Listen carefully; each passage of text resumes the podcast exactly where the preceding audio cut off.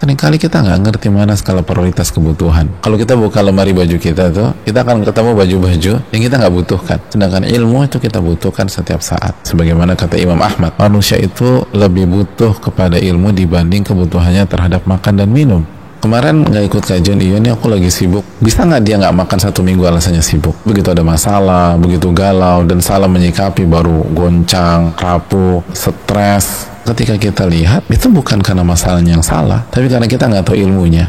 Ada orang sakitnya luar biasa sakit dan dia nggak ngeluh. Kenapa? Karena ilmu dia terhadap hadis Nabi SAW fa inna maradal mu'min yudhibu khatayahu kama tudhibu an-naru khabathal hadid kama qal Nabi SAW bersabda sesungguhnya sakitnya seorang mukmin itu menghapuskan dosa-dosanya sebagaimana api menghapuskan karat dari besi. Semua kita butuh ilmu. Marilah kita sama-sama bersikap sebagai orang yang butuh yang butuh tuh semangat tawadu ngejar.